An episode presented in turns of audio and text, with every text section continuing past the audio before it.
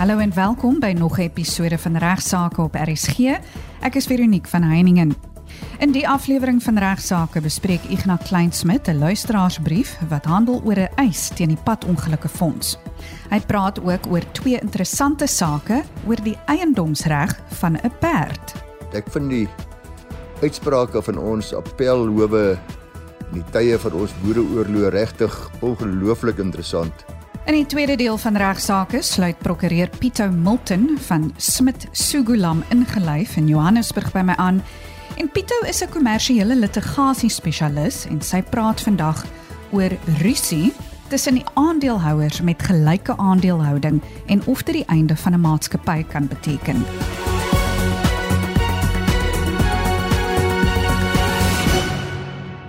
Ons sluit nou eers aan by Ignas Kleinsmid en hy bespreek nou twee interessante sake wat handel oor die eiendomsreg van 'n perd. Ja, goeiemôre en baie welkom aan almal wat luister. Weereens ook baie dankie aan die Prokureursorde van Suid-Afrika met wie se vriendelike samewerking ek kan deelneem aan hierdie program. Ek wil afskop met twee baie fascinerende sake oor eiendomsreg van 'n perd want ek vind die uitsprake van ons appelhowe in die tye van ons boereoorlog regtig ongelooflik interessant. En in 2014 het ek in my boek wat sê die prokureur twee sulke sake ingesluit. Leesers het my vertel dat hulle dit baie geniet het en sover ek onthou dink ek nie ek het ooit daai sake op regsaake al bespreek nie en ek deel dit vandag graag met julle en hoop jy gaan dit net so geniet soos ek dit geniet het. Gedurende oorlogstyd kom die lelike kant van mense natuurlik meer as gewoonlik na vore. Dis ook omstandighede waar ander wette geld, soos die konfiskering van eiendom ter wille van die oorlogspoging. Dit geld nog strenger natuurlik teen mense wat as verraaiers ontmasker word. In een so geval was die van Lemkul. Hy was 'n joiner uit die Tweede Vryheidsoorlog wie se perd gekonfiskeer is. Lemkul was 'n Vrystaatse burger wat met die uitbreek van die Anglo-Boereoorlog onder kommandant Prinsloo geveg het. En toe Prinsloo se komando moes oorgee, was hy een van die handjievol burgers wat die Britse eed van getrouheid afgelê het. Dis 'n werklike joiner en van Augustus 1901 het Lemkoel sy aan sy geveg met die Britse magte, oftewel die Kakies. In daardie stadium het Lemkoel se perd nog op sy plaas Snymanshoek daar in die Vrystaat geloop Maar in Mei 1902 het die boeremagte op die perd beslag gelê volgens 'n proklamasie van die Boere Krygsraad wat deur die president van die Vrystaat onderteken is. Die proklamasie het bepaal dat alle roerende goed van burgers wat vrywillig joiners geword het, gekonfiskeer kon word. So word Lonemkool se perd toegegee vir ene kok wat in daardie stadium op komando was en natuurlik dringend 'n perd nodig gehad het. En na die beëindiging van die oorlog met die Boererepublieke wat die knie voor die Britse troon moes buig, eis Lemkoel toe sy perd van Kok terug. En dit beland toe nou voor die appelhof en die vraag waaroor die hof moes beslis was of die boeremagte geregtig was om die perd in die eerste instansie te kom verskeer. Daar in die landrashof bes, toe beslis dat Lemkoel toe die eed van getrouheid teenoor Engeland afgelê het, 'n vyand van die land geword het en daarom ook van die Vrystaatse regering en dus was die konfiskering van sy perde gevolge die krygsraad se proklamasie heeltemal regmatig. Lemkool was nie tevrede nie. Hy appeleer aan die Hooggeregshof van die Oranje rivier kolonie en tot sy nugtering word die uitspraak van die Landdroshof daar bevestig. En dis op grond van vorige regspraak eh, die saak van Kumata versus Matwa en anderste van 1882 wat bepaal het dat enige besitting van 'n rebel waarop tydens oorlog beslag gelê word, die eiendom raak van die regering teen wie daardie persoon rebelleer. Nou hy appeleer toe 'n tweede keer, hierdie keer na die appelhof toe. Dit lyk aanvanklik of dit voorspoediger vir hom verloop.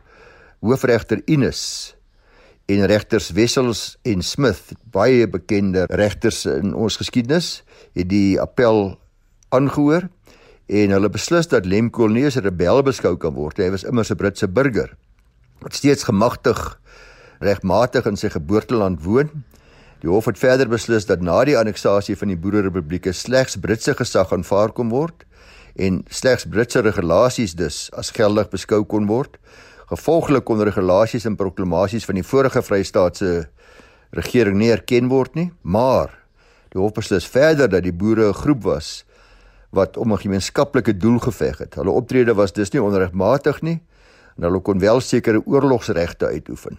Hulle kon nie regulasies maak wat Britse onderdane bind nie, maar hulle kon daarin beslag lê op eiendom wat hulle gedurende die oorlog wou gebruik of nodig gehad het.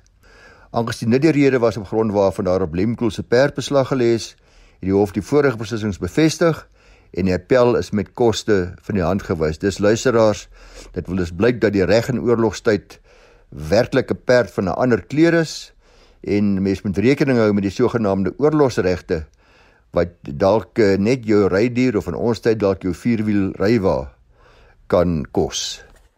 Ek gaan praat nou verder oor perde, maar die keer oor 'n kruisgevangene perd.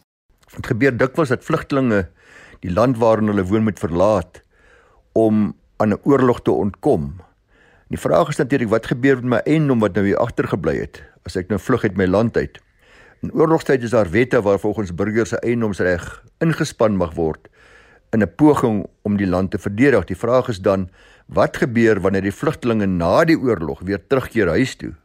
Nou een so 'n geval was die van Alexander en sy pony en die feite was dat hy was 'n Britse burger wat in Suid-Afrika gewoon het.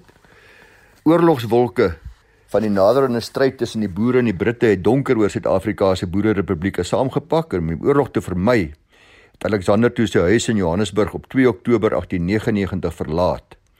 Hy laat ook sy grys pony in Suid-Afrika agter in die sorg van 'n ene mark. Na die uitbreek van die oorlog is die pony toe opgekommandeer deur Veldkornet wat namens die Transvaalse regering opgetree het. En in terme van die krygswet is die pony as eiendom van die regering gebrandmerk.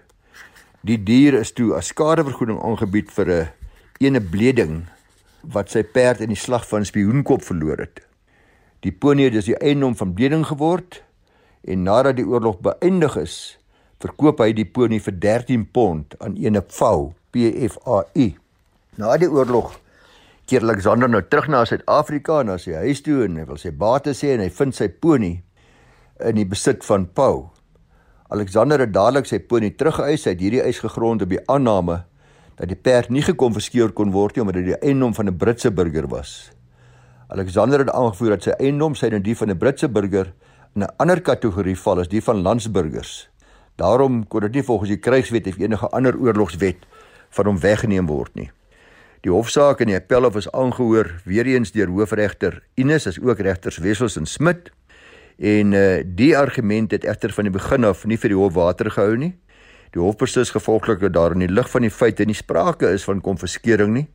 Daar kon ook nie bewys word dat die persoon wat die perd genaal het geweet het die stomme dier behoort aan 'n Britse burger nie. Die perd is geneem voordat die Britse anneksasie van die Transvaalse Republiek plaasgevind het. Dus volg die hof steeds die bepalinge van die krygswet. En hierdie krygswet soos ek gesê het, dit bepaal dat daar in oorlogstye op eiendom van die inwoners ongeag die feit of daardie inwoners landburgers was of nie, beslag gelê kon word natuurlik met die oog daarop om die eiendom te gebruik in die oorlogspoging. Die bepaling geld selfs in die geval sê die hof van inwoners van die land wat die burgers is van die moondheid met wie Suid-Afrika in daardie stadium in 'n oorlog gewikkel was. Die hof het verder daarop gewys dat die kruiswet in ooreenstemming is met die internasionale reg. Hierdie reg het bepaal dat 'n vreemdeling, 'n nie burger, nie net die voordele en beskerming van die reg kan geniet van die land waarin hy woon nie, maar so iemand moet ook soms die nadele aanvaar. Sou daar dus tydens 'n oorlog van so iemand se eiendom beskikbaar wees, kan dit wel vir militêre doeleindes gebruik word. So die feit dat Alexander 'n Britse burger was, luisteraars, het hom dus nie in 'n beter posisie geplaas nie.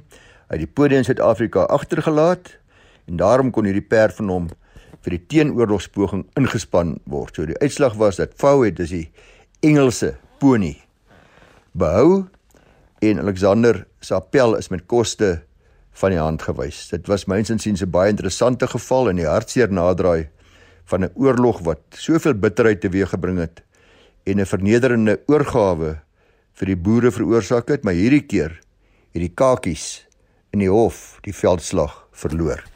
En laastens bespreek Ignas 'n luisteraarsbrief wat handel oor 'n eis teen die padongelukke fonds. Ja, luisteraars, wat my laaste bydrae betref, kry ek 'n e-pos vanaf Nardus Engelbregt Hy woon in Kempton Park. Hy vertel dat 'n dronk bestuurder onlangs in hom vasgejaag het. Nardus se motor is ernstig beskadig en sy dogter het uh, eh, redelik ernstig seer gekry. Hy sê hulle is besig met 'n eis teen die padongelukke fonds en uh, sy versekerings hanteer sy skade aan sy motor. Maar toe hulle in die hof was, het dit gebleik dat hierdie bestuurder reeds ook voorheen skuldig bevind was aan dronk bestuur, 'n vorige veroordeling dus het. En meneer Engelbreg of Nardus is baie ontsteld omdat die dronk bestuurder slegs periodieke gevangenisstraf opgelê is. En soos hy dit verstaan, dis nie regtig tronk toe gaan nie. Hy wil dan weet nou hoe werk periodieke gevangenisstraf? Wat is dit regtig? Nou, Nardus periodieke gevangenisstraf is 'n vorm van gevangenissetting waar volgens die persoon wel vir kort tydperke toegesluit word en dan weer vrygelaat word om sy of haar normale werk en lewe voort te sit. Omdat hierdie persone gewoonlik net oor naweke toegesluit word, so hulle word inderdaad toegesluit, hulle gaan tronk toe, maar net oor naweke staan die straf dan ook bekend by baie mense as naweek gevangenissetting. Maar natuurlik, dit hoef nie net naweke te wees, dit kan enige ander tye ook wees. Anders as 'n gewone gevangenissetting moet die hof periodieke gevangenisstraf oplê vir 'n voorgeskrewe tydperk wat in ure uitgedruk word, nie in dae of in maande of in jare nie. Die strafproseswet maak baie uitdruklik daarvoor voorsiening dat periodieke gevangenisstraf opgelê word vir enige misdaad behalwe een eh, waarvoor daar wel voorgeskrewe minimum straf bestaan.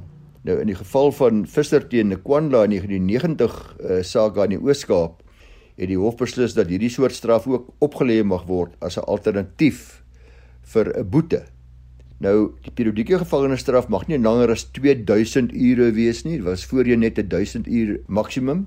Nou is dit 2000 uur, maar mag ook nie minder wees as 100 uur en dit staan in artikel 285 se artikel 1 van die strafproseswet. En hierdie gevangenisstraf, die tipe gevangenisstraf, is die eerste keer in Suid-Afrikaanse wetboeke verskyn in 1959 Toe sit natuurlik nogal aangeprys as 'n swaar vorm van straf, maar belangrik is dat dit terselfdertyd nie die beroep of die familielewe van die gevangene ontwrig nie.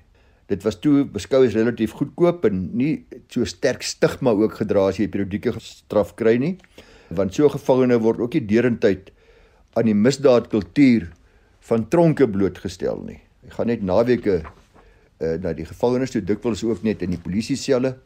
Die howe is aangesê om hierdie soort gevangenisstraf so gereeld as moontlik op te lê en en, en deesdae word dit ook op verskeie redes slegs met bepaalde geleenthede opgelê. Dit word nie meer so dikwels opgelê nie. Periodieke gevangenisstraf behels meer administrasie as gewone gevangenisstraf.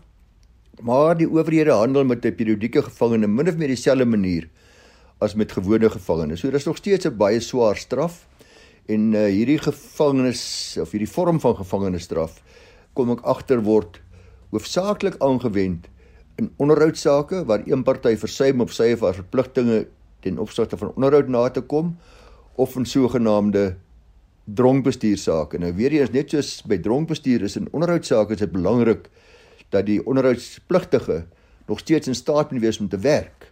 Want anders kan hy geen onderhoud meer betaal nie en daarom is periodieke gevangenisstraf dikwels 'n baie gepaste straf om seker te maak dat hy kan voortgaan om sy verpligtinge teenoor sy vrou of kinders na te kom. Vanaf my kant af groete en ek hoop jy luister lekker na die tweede gedeelte van regsaake en ek praat weer met u volgende maandag om 12:30. Dankie Igna. En die week verwelkom ek graag weer vir prokureur en litigasie spesialis Pieto Milton van Smit Sugulam ingelyf in Saxon World in Johannesburg.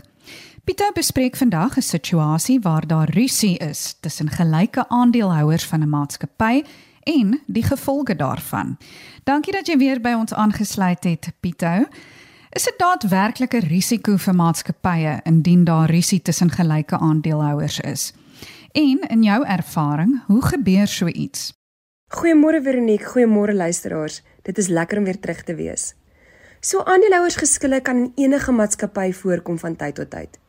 Maar wanneer twee aandeelhouers 'n gelyke aandelehouding hou in 'n maatskappy, kan die oplossing vir die konflik soms besonder uitdagend wees. Dit hang natuurlik af van die aard van die geskil. Soms kan geskille tot kreatiwiteit lei, terwyl meer ernstige geskille 'n direkte negatiewe impak op die besigheid kan hê. Soos byvoorbeeld 'n geskil tussen aandeelhouers oor of 'n aandeelhouer borg moet staan sodat die maatskappy kapitaal kan bekom. Of as die aandeelhouers nie ooreenkom oor die visie en missie van die besigheid nie. Of as die aandeelhouers verskillende menings en sienings het oor werksetiek. Daar is nog vele moontlike dispute wat genoem kan word. Maar die moeilikheid met die dispuut ontstaan egter wanneer nie een van die aandeelhouers 'n beslissende stem het nie of waar daar nie voorsiening gemaak is vir wat gebeur wanneer die aandeelhouers nie ooreenstem nie. Die aandeelhouers bereik dan 'n dooie punt, beter bekend in Engels as 'n deadlock. Ons sien dit gereeld. Om 'n besigheid te begin is opwindend. So aandeelhouers laat dikwels na om die nodige aandag te gee aan die opstel van die maatskappy se akte van oprigting en die maatskappy se aandeelhouers ooreenkomste. En dit is juis hierdie dokumente waar aandeelhouers behoort ooreen te kom oor hoe dispuut hanteer moet word. Aandeelhouers van 'n nuwe maatskappy kan gewoonlik nie wag om die besigheid gedeelte te begin nie en wil nie onmiddellik onnodige regkoste aangaan nie. Almal lewe mos nog in die witbrood fase waar daar geen geskil bestaan wat hulle nie met mekaar kan oplos nie. So baie maatskappye begin handel dryf terwyl hulle net 'n standaard akte van oprigting het en stel glad nie eens 'n aandeelhouers ooreenkoms op nie. Soos wat die tyd verloop en die maatskappy meer suksesvol word, raak die aandeelhouers soms so gemaklik met mekaar dat hulle dit nie meer nodig ag om 'n aandeelhouers ooreenkoms op te stel nie. En sommige aandeelhouers kom net nooit weer daarby uit om 'n aandeelhouers ooreenkoms op te stel nie. Maar die dag wanneer daar 'n groot dispuut ontstaan tussen die aandeelhouers van gelyke aandelehouding en daar is nie 'n meganisme in plek om dit te hanteer nie, is dit soms te laat om een daar te stel. Goed, nou indien 'n maatskappy se aandeelhouers ooreenkoms of akte van oprigting nie 'n meganisme bevat wat bepaal hoe dooie punte hanteer moet word nie, wat staan die aandeelhouers dan te doen? As twee aandeelhouers met gelyke aandelehouding koppe stamp en nie tot 'n vergelyking kan kom nie, is daar dikwels geen ander oplossing as om die hof te nader nie. Die probleem om hierdie sake deur die hofstelsel te neem, is dat dit duur en tydrowend is en die partye word dikwels gedwing om appel na appel te verduur. En enige vaardige sakepersoon kan eenvoudig dit net nie bekostig om onnodige tyd en geld aan hierdie tipe hofverrigtinge te bestee nie. Elke dispuut sal bepaal waarvoor die hof genader word. Dikwels word die hof genader deur een van die aandeelhouers om 'n interdik te bekom om die uitvoering van 'n besluit te verhoed. En soms word die hof genader deur een van die aandeelhouers om 'n bevel te bekom om die maatskappy te likwideer. Dit klink dalk drasties, maar dit is wat die Johannesburgse Hooggeregshof beveel het in die Noble Land saak. In die aangeleentheid het 'n familiefete tussen twee broers gelei tot die likwidasie van 'n winsgewende familiebesigheid. Die rusies tussen die broers het dit net onmoontlik gemaak vir die maatskappy om te funksioneer. Dit is tragies dat 'n gesonde solvente maatskappy gelikwideer kan word wanneer aandeelhouers met gelyke aandelehouding nie tot 'n vergelyking kan kom nie. Die hof sal dit oorweeg om 'n solvente winsgewende maatskappy te likwideer waar die aandeelhouers 'n dooie punt bereik oor die bestuur van die maatskappy wat lei tot onherstelbare skade aan die maatskappy. Die hof sal dit ook oorweeg wanneer daar 'n dooie punt bereik word tussen aandeelhouers en in ten minste twee opeenvolgende algemene jaarvergaderings versuim word om opvolgers van direkteure te kies wie se termyn verstryk het.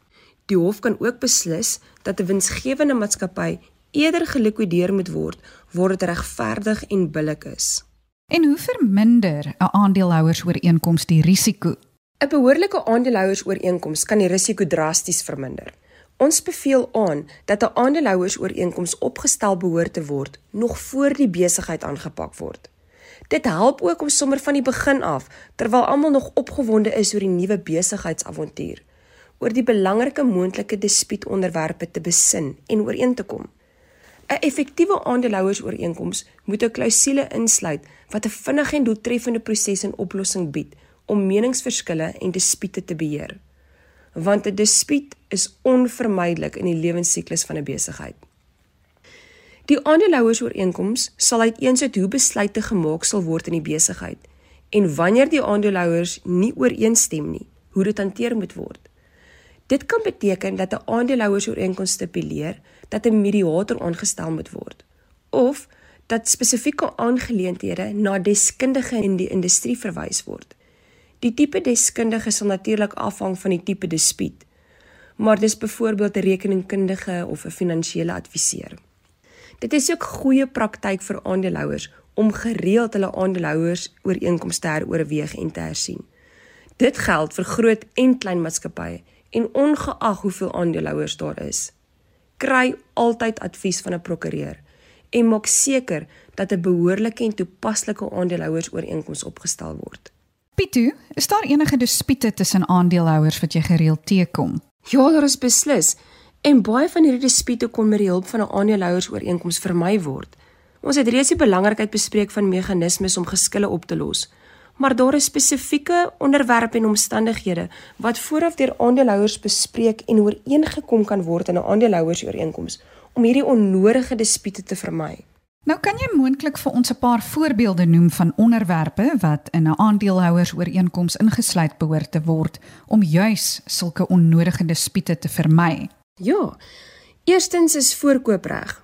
Dit is wanneer die aandeelhouers ooreenkom dat aandele eers aan die bestaande aandeelhouers te koop aangebied word voordat dit aan enige ander derde party aangebied word. Die bestaande aandeelhouers is nie verplig om die aandele te koop nie, maar hulle het darme eerste aanspraak daarop alvorens 'n derde party dit koop. Tweedens, hoe 'n aandeelhouer die besigheid sal verlaat. So wanneer jy jou aandeelhouers ooreenkoms saamstel, moet dit voorsiening maak vir wat sal gebeur as die besigheid sluit of as een van die aandeelhouers wil verkoop. Sal die aandeelhouer sy of haar belegging terugkry? Aan wie kan die aandeelhouer hulle aandele verkoop? Moet dit 'n familiebesigheid bly of is daar enige ander vereistes? Derdens is die gedwonge verkoop van aandele. 'n Aandeelhouersooreenkoms kan stipuleer in watter omstandighede 'n aandeelhouer verplig sal word om sy aandele te verkoop. Die aandeelhouersooreenkoms kan ook 'n metode spesifiseer oor hoe die verkoopprys van hierdie aandele bereken moet word. Omstandighede wat 'n gedwonge verkoop van aandele tot gevolg kan hê, sal byvoorbeeld wees wanneer 'n aandeelhouer ongeskik verklaar word of as hy nie in staat is om na sy eie belange om te sien nie. Vierdens, finansiering van die maatskappy. Jou aandeelhouersooreenkoms kan ook bepalinge bevat wat handel oor wanneer en hoe die besigheid finansier moet word. Die ooreenkoms kan vereistes vir finansiering deur aandeelhouers en finansiering deur derde partye daarstel. Daar is nog vele moontlikhede wat ek kan noem. Dit word dus aanbeveel dat 'n aandeelhouersooreenkoms behoorlik opgestel moet word deur 'n prokureur om seker te maak dat dit is toepaslik op jou unieke besigheidsomstandighede. 'n Behoorlike ooreenkoms verminder die hoeveelheid konflik. Dit is altyd wenslik om konflik vinnig uit te sorteer omdat hierdie voorsleepende konflik die aandag aflei van die hoofdoel van jou besigheid. Baie dankie aan Ignas Kleinsmid van van Velden Duffy Prokureurs in Rustenburg en aan vandag se spesialis gas prokureur Pieter Milton van Smit Sugulam ingelyf in Johannesburg vir hulle bydraes tot vandag se program. Vir enige navrae stuur gerus 'n e-pos na my toe by vero@rsg.co.za. Van my Veronique van Heiningen groete tot volgende week.